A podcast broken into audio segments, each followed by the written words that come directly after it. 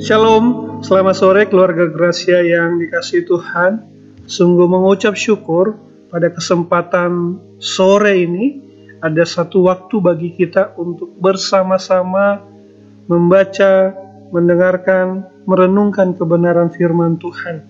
Mari Bapak Ibu yang dikasih Tuhan, di mana pun Anda berada pada saat ini, kita siapkan hati kita untuk mendengarkan firman Tuhan.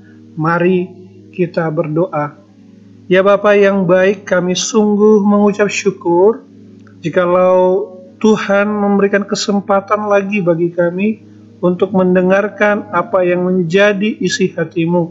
Tuhan, kami sungguh percaya bahwa firman-Mu adalah firman yang hidup, firman yang menguatkan, menghibur, menopang, menolong kami, bahkan juga firman yang mengingatkan kami untuk kami selalu kembali kepadamu. Terima kasih Tuhan, berdoa ya Tuhan buat hambamu yang akan menyampaikan kebenaran firmanmu.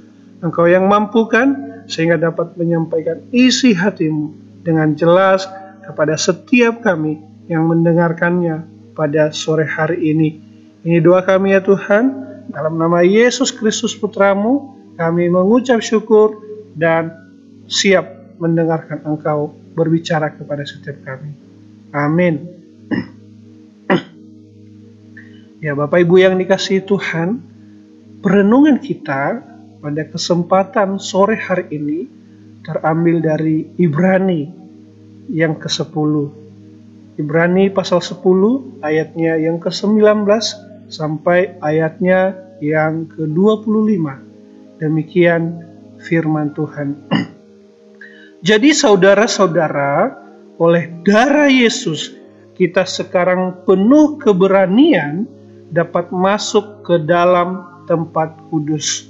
Karena ia telah membuka jalan yang baru dan yang hidup bagi kita melalui tabir yaitu dirinya sendiri. Dan kita mempunyai seorang imam besar sebagai kepala rumah Allah.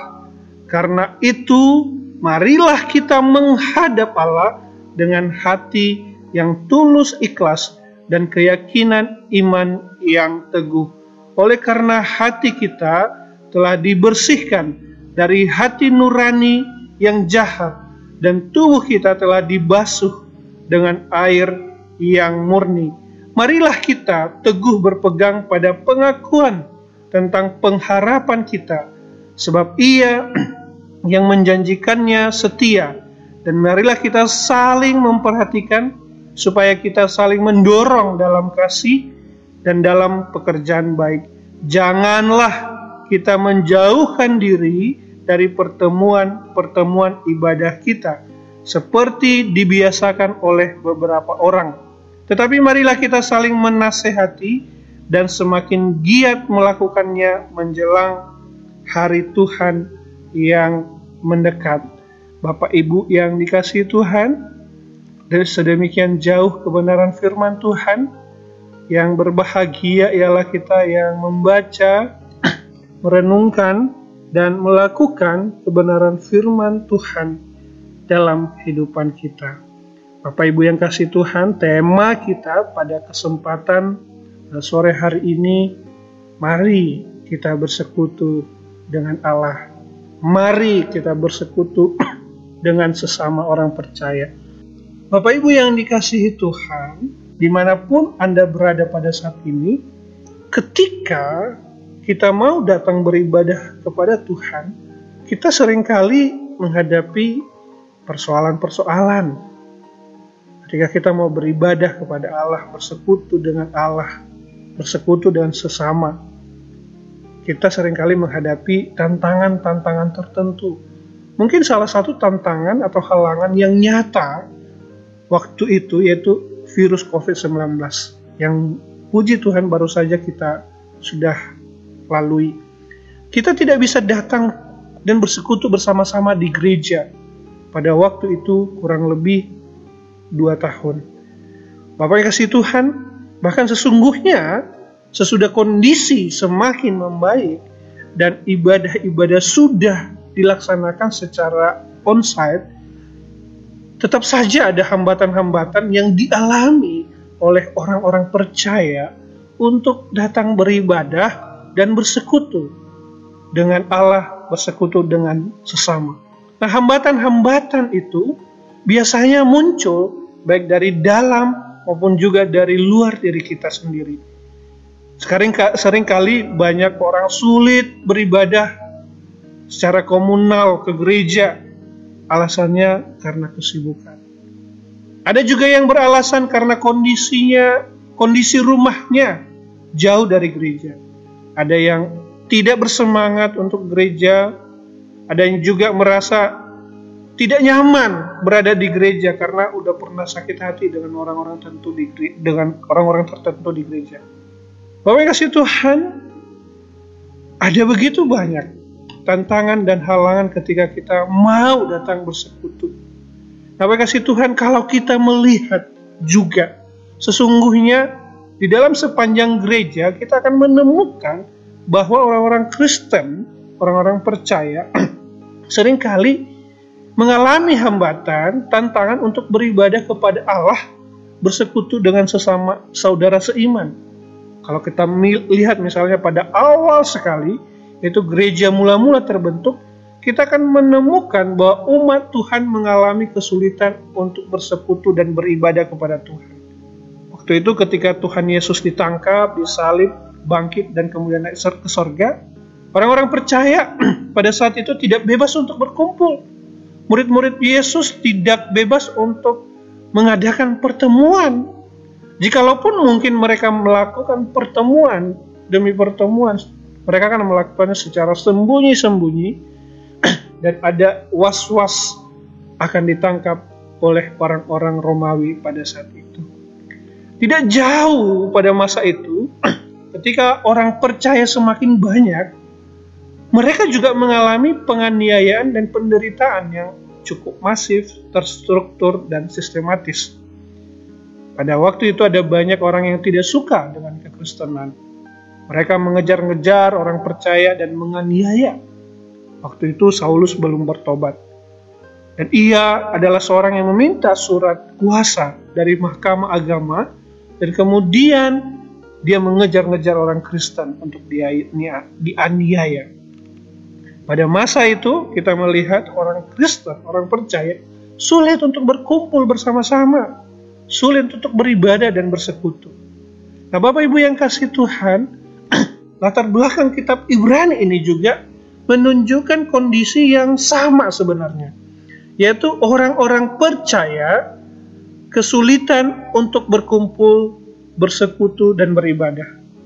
Penerima surat Ibrani ini adalah komunitas orang percaya Yahudi pada masa pemerintahan Romawi. Mereka menghadapi penganiayaan dan diskriminasi dari pemerintahan Romawi yang mencoba menghancurkan keyakinan mereka kepada Kristus. Mereka dibatasi untuk berkumpul, bersekutu, dan beribadah. Mereka juga menghadapi penganiayaan dan penderitaan. Mereka tidak bisa berkumpul, mereka tidak bebas untuk beribadah dalam satu gedung yang sama. Karena mereka tidak bisa beribadah, berkumpul dan bersekutu, banyak dari antara mereka mereka mengalami kemunduran rohani. Semakin hari, semakin jauh dari Tuhan, semakin jauh dari komunitas orang percaya. Nah, Bapak kasih Tuhan itulah yang juga akan terjadi dengan kita. Ketika kita membiarkan diri kita tidak datang menikmati persekutuan dengan Tuhan, menikmati ibadah dengan Tuhan di dalam gereja maupun juga dengan sesama orang percaya, yang terjadi adalah kemunduran-kemunduran, khususnya kemunduran kerohanian. Nah, Bapak Ibu yang kasih Tuhan, lalu pertanyaannya bagaimana kita sebagai orang percaya, bagaimana kita menghadapi tantangan dan hambatan untuk beribadah kepada Allah dan bersekutu dengan sesama? Mungkin ada banyak tips-tips di luar sana. Tapi hari ini kita mau lihat apa yang dikatakan oleh penulis kitab Ibrani ini.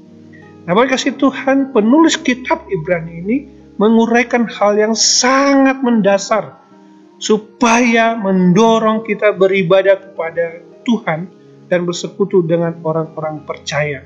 Apa itu? Yaitu bahwa Tuhan telah membuka jalan yang paling menghalangi dan paling merintangi kita untuk beribadah dan bersekutu.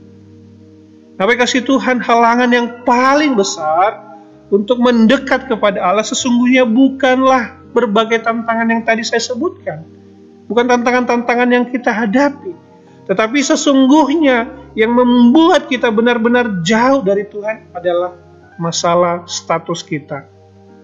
Halangan yang paling besar bagi orang percaya untuk beribadah kepada Allah sesungguhnya bukanlah persoalan jarak seberapa jauh kita dari gereja atau mengenai tantangan yang kita hadapi sebesar seberapa besar tantangan yang kita hadapi. Tetapi sesungguhnya yang membuat kita benar-benar jauh adalah masalah status kita. Status kita adalah manusia berdosa dan Allah yang kudus. Jadi kita tidak bisa mendekat kepada Allah karena Allah itu kudus dan kita berdosa. Matilah kita kalau kita berjumpa dengan Allah yang kudus itu di tengah-tengah keberdosaan kita. Nah ini masalah statusnya, status kita berdosa, Allah yang kudus sering kali tidak bisa ketemu Bapak Ibu. Nah kasih Tuhan, katakanlah misalnya teman saya tinggal di Jakarta, begitu ya. Dia tidak jauh dari istana negara. Setiap hari ketika ia mau pergi bekerja, ia lewat dari depan istana. Tetapi ia tidak bisa berhenti di depan istana, kemudian ia ketok pintu, kemudian masuk ke dalam istana, dan kemudian bertemu dengan presiden. Nggak bisa kan? Ia tidak bisa masuk ke sana dan bertemu presiden. Karena apa Bapak Ibu? Karena ada perbedaan status. Ia adalah warga negara biasa, tidak bisa langsung ketemu presiden begitu saja. Meskipun mungkin jarak mereka nggak terlalu jauh, tetapi status mereka statusnya sungguh jauh. Yang satu warga negara biasa, yang satu presiden nggak bisa. Sekonyong-konyong bisa langsung masuk ke istana presiden. Oleh kasih Tuhan, sesungguhnya juga hambatan terbesar kita ketika kita mau bertemu dan bersekutu dengan Tuhan adalah status kita kita adalah manusia berdosa, kita tidak mungkin bisa mengalami perjumpaan dengan Tuhan. Oleh karena itu sebenarnya jarak kita dengan Allah itu begitu jauh. Allah itu maha suci, kita manusia berdosa. Ini adalah jarak yang paling jauh yang tidak mungkin dapat diselesaikan oleh manusia. Ini adalah hambatan dan halangan yang membuat kita tidak akan mampu menjangkau Allah, mendekat kepada Allah. Ada satu jurang yang terlalu lebar untuk datang kepada Tuhan. Dan kita tidak mungkin menghadap kepada Allah dan bersekutu dengannya dengan dosa-dosa kita.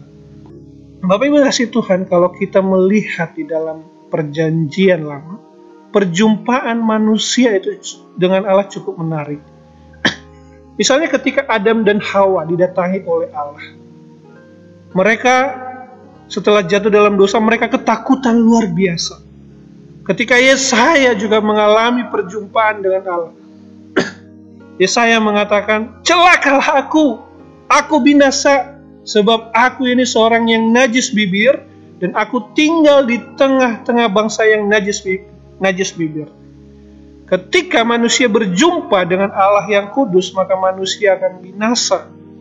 Manusia berdosa, tidak akan tahan berada dekat Allah yang Maha Kudus.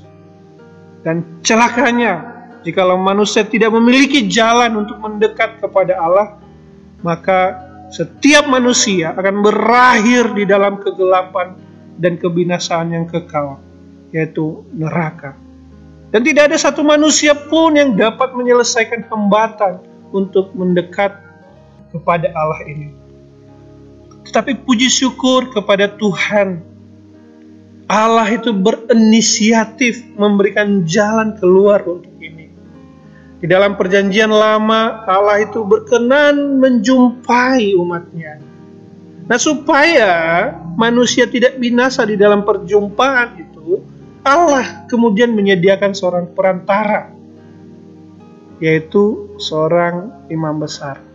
Supaya imam besar ini juga tidak binasa, imam besar itu harus mempersembahkan kurban bagi dirinya sendiri sebelum dia datang mendekat kepada Tuhan. Imam besar itu perlu membersihkan dosa-dosanya dengan memberikan kurban bagi dirinya sendiri. Dan kemudian oleh kasih karunia Allah, maka dia kemudian baru bisa masuk datang ke hadirat Tuhan. Nah imam besar ini, kasih Tuhan, menjadi jembatan antara manusia dengan Allah. Ketika imam besar itu menghadap Allah, ia mewakili manusia. Tapi ketika imam besar itu berhadapan dengan manusia, ia menjadi wakil Allah. Imam besar itu harus mampu memahami manusia yang berdosa dan di sisi lain juga ia harus menguduskan dirinya sendiri ketika berhadapan dengan hadirat Tuhan. Nah selain itu Bapak kasih Tuhan ketika umat Allah ingin mendekat kepada Allah maka mereka juga harus menyucikan dosanya. Allah menyediakan hewan kurban. Itu berlaku setiap kali mereka datang ke bait Allah. Hewan kurban itu hanya sekali saja mampu menolong orang orang-orang Israel pada saat itu sehingga mereka berjumpa dengan aku. Jadi setiap kali mereka datang ke Yerusalem ingin berjumpa, merasakan hadirat Tuhan, menikmati persekutuan dengan Tuhan, mereka membawa kurban. Nah, Bapak kasih Tuhan, namun Bapak kasih Tuhan, kita harus mengingat bahwa imam besar dan kurban di dalam perjanjian lama itu sesungguhnya merupakan bayang-bayang atau menggambarkan tentang Kristus. Tuhan Yesus adalah imam besar yang sejati dan merupakan kurban yang sejati. Tuhan Yesus menjadi imam besar yang sejati artinya Tuhan Yesus yang menjadi pengantara kita. Sebagai pengantara kita, Tuhan Yesus sungguh-sungguh memahami keberadaan kita. Ia merasakan kelemahan-kelemahan kita. Ia merasakan penderitaan pergumulan kita karena apa? Karena Tuhan Yesus sendiri sudah merasakannya, bukan? Ia menjadi sama dengan manusia. Sebagai imam besar juga ia tidak perlu lagi mempersembahkan kurban bagi dirinya sendiri. Karena ia adalah Allah dan manusia yang tidak berdosa. Selain itu Bapak kasih Tuhan, Tuhan Yesus bukan hanya imam besar yang sejati, tapi ia menjadi kurban yang sejati. Ia adalah anak domba Allah yang disembelih bagi kita untuk menghapus dosa-dosa kita. Dia adalah kurban untuk sekali untuk selama-lamanya. Kurban tidak perlu lagi dilakukan secara berulang-ulang seperti yang dilakukan oleh orang-orang Israel. Tapi kasih Tuhan, kini kita tidak perlu lagi menjadi seperti bangsa Israel, bukan? Yang harus membersih, memberikan persembahan kurban setiap kali ingin bertemu dengan Allah. Tetapi kita sudah bebas mendekat kepada Allah, bersekutu dengan Allah karena apa? Karena dosa-dosa yang tadi menghalangi kita untuk datang kepada Allah itu sudah dibereskan dan disucikan, dikuduskan oleh Yesus Kristus. Karena ia menjadi kurban yang sempurna bagi kita sehingga kita bisa datang mendekat kepada Tuhan. Kita bisa menikmati perjumpaan dengan Tuhan dan juga ia adalah pengantara yang sempurna bagi kita. Tapi kasih Tuhan itulah yang sudah Kristus kerjakan bagi setiap kita orang percaya. Ia menjadi pengantara dan sekaligus yang mengorbankan dirinya sehingga kita sekarang memiliki akses untuk mendekat kepada Tuhan. Tuhan Yesus sudah merobohkan segala hambatan supaya kita datang mendekat kepada Tuhan. Nah ini kita sudah tidak ada hambatan lagi yang berarti untuk mendekat dan bersekutu dengan Allah. Lalu apa yang kita lakukan? Firman Tuhan mengatakan begini, marilah kita menghadap Allah dengan hati yang tulus ikhlas dan keyakinan yang teguh. Oleh karena hati kita telah dibersihkan dari hati nurani yang jahat dan tubuh kita telah dibasuh dengan air yang Nah, pada bagian ini merupakan ajakan dan dorongan bagi setiap orang percaya untuk datang mendekat kepada Tuhan. Mari kita datang kepada Allah. Hambatan sudah tidak ada lagi. Setiap orang kini memiliki akses untuk datang kepada Allah. Pintu sudah dibuka. Ayo masuk. Masa pintu sudah dibuka oleh Allah melalui pengorbanan Kristus, Dan kita berkata nanti sajalah atau kapan-kapan sajalah atau lain kali. Kita seharusnya didorong atau mendorong diri untuk mendekat kepada Allah. Memang tadinya kita memiliki halangan, yaitu dosa-dosa kita. Tetapi Tuhan telah membuka jalan itu. Darah Kristus telah dicurahkan sehingga membuat kita kini punya keberanian menghadap Allah. Karena Yesus yang buka dengan pengorbanannya, yaitu melalui salibnya. Sekarang kita datang ke hadapan Allah. Tuhan sudah kerjakan perkara yang hebat di dalam hidup kita. Nah sekarang Bapak kasih Tuhan, mari kita menggunakan kesempatan untuk datang beribadah kepada Tuhan. Tuhan sudah merobohkan hambatan-hambatan yang besar yaitu dosa, dia sudah menyelesaikannya bagi kita. Masa sih kita tidak mau lagi datang ke hadapan Tuhan? Bapak kasih Tuhan, hari-hari ini ada begitu banyak alasan bagi orang-orang untuk tidak datang beribadah kepada Tuhan. Ada orang yang berkata karena kesibukan, ada yang berkata karena cuaca buruk, ada yang berkata karena rumahnya jauh, ada yang mungkin juga berkata karena merasa tidak nyaman di gereja dan di gereja pernah tersinggung dan lain sebagainya. Itu sering kali menjadi alasan-alasan bagi seseorang untuk tidak datang bersekutu dengan Tuhan, menikmati persekutuan dengan Allah. Bapak kasih Tuhan sesungguhnya, jikalau kita pikirkan dengan sungguh-sungguh apa yang sudah Kristus kerjakan di dalam hidup kita, bahwa Tuhan Yesus menolong kita untuk mengatasi segala hambatan yang terbesar untuk datang kepada Tuhan. Ia bahkan memberikan nyawanya, ia rela disembelih, dia rela mengalami penyiksaan di atas kayu salib supaya kita bisa mendekat kepada Tuhan.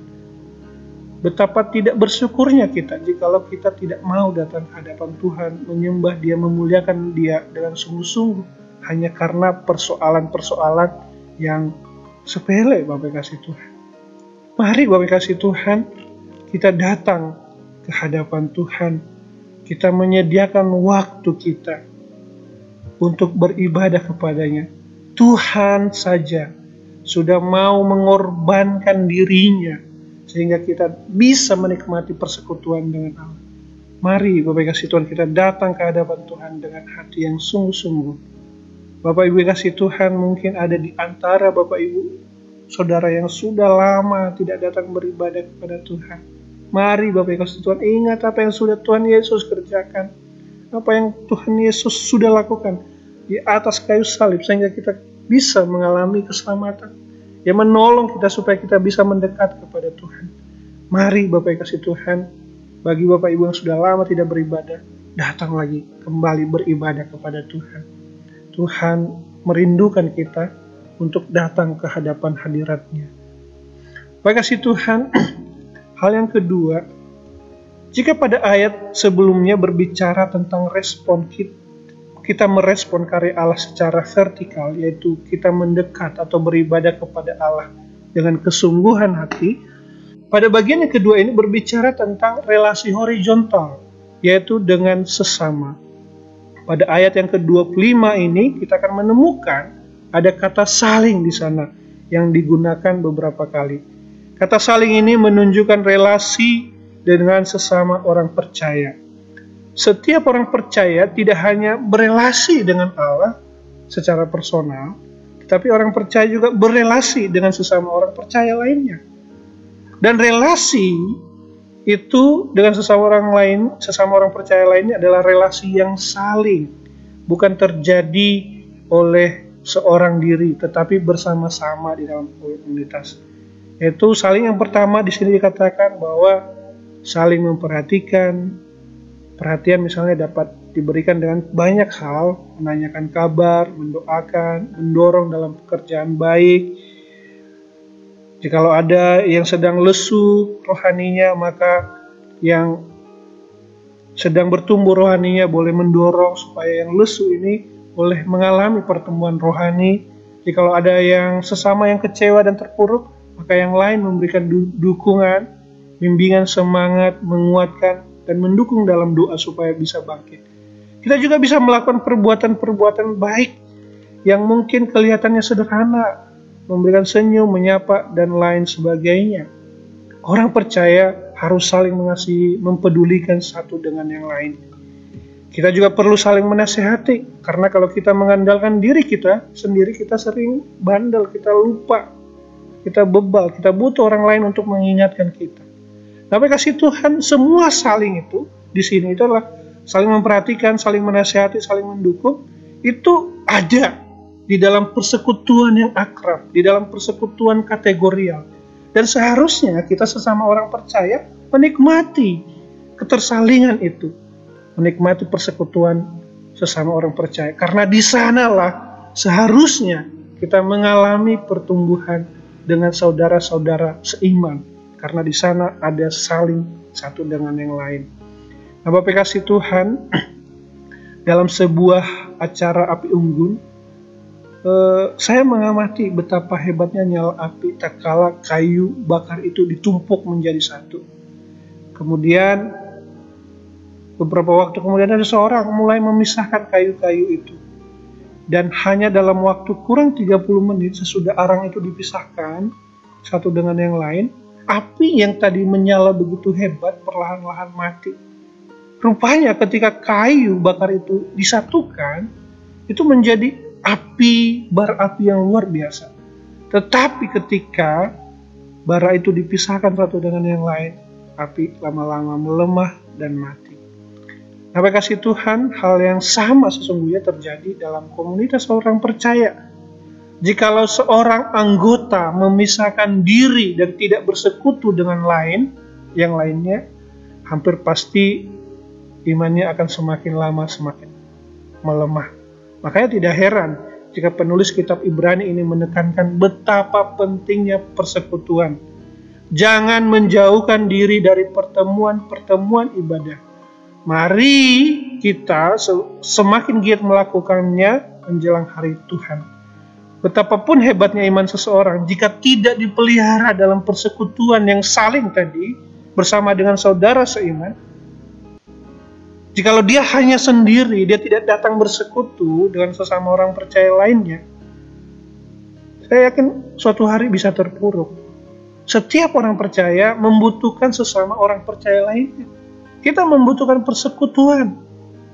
Bapak kasih Tuhan, mari Bapak kasih Tuhan, kita datang di dalam persekutuan-persekutuan dan kita menikmati pertumbuhan bersama-sama dengan saudara seiman. Sebagai orang percaya, mari kita datang ke hadapan Tuhan. Jangan malas, apa pun rintangannya, mari kita berkomitmen, kita tanggalkan rintangan itu, kita datang ke hadapan Tuhan menyembah Dia, dan mari kita juga menikmati persekutuan dengan saudara seiman, di mana kita bisa mengalami pertumbuhan kerohanian di sana. Amin. Tuhan Yesus memberkati kita semua. Mari kita berdoa. Bapak kami sungguh mengucap syukur pada kesempatan sore atau malam hari ini kami boleh menikmati firman Tuhan yang mengingatkan kami betapa Engkau Allah yang baik, Allah yang sudah menolong setiap kami untuk dapat mendekat kepada Tuhan. Sesungguhnya kami tidak bisa mendekat kepada Engkau ya Tuhan karena dosa-dosa kami, tetapi melalui karya putramu yaitu melalui Yesus Kristus yang menjadi kurban dan juga sekaligus menjadi imam besar. Yang menolong kami untuk mendekat kepada Tuhan. Jalan sudah ada, jalan sudah terbuka. Engkau yang menolong kami untuk datang menikmati persekutuan dengan Tuhan dan sesama orang percaya. Sehingga kami boleh mengalami pertumbuhan kerohanian yang semakin lebih lagi dan lebih lagi dalam nama Yesus Kristus Putramu, kami mengucap syukur dan berdoa. Amin. Bapak Ibu yang dikasih Tuhan, kami mengundang Bapak Ibu yang belum memiliki tempat ibadah yang tetap untuk beribadah bersama-sama kami di Gereja Kristen Immanuel Saron Cirebon, Jalan Kalibaru Utara nomor 28. Adapun ibadah umum dilaksanakan dua kali, yaitu pada pukul 7 pagi dan pukul 9.30 Mari Bapak kasih Tuhan kita mengalami pertumbuhan bersama-sama di dalam Tuhan.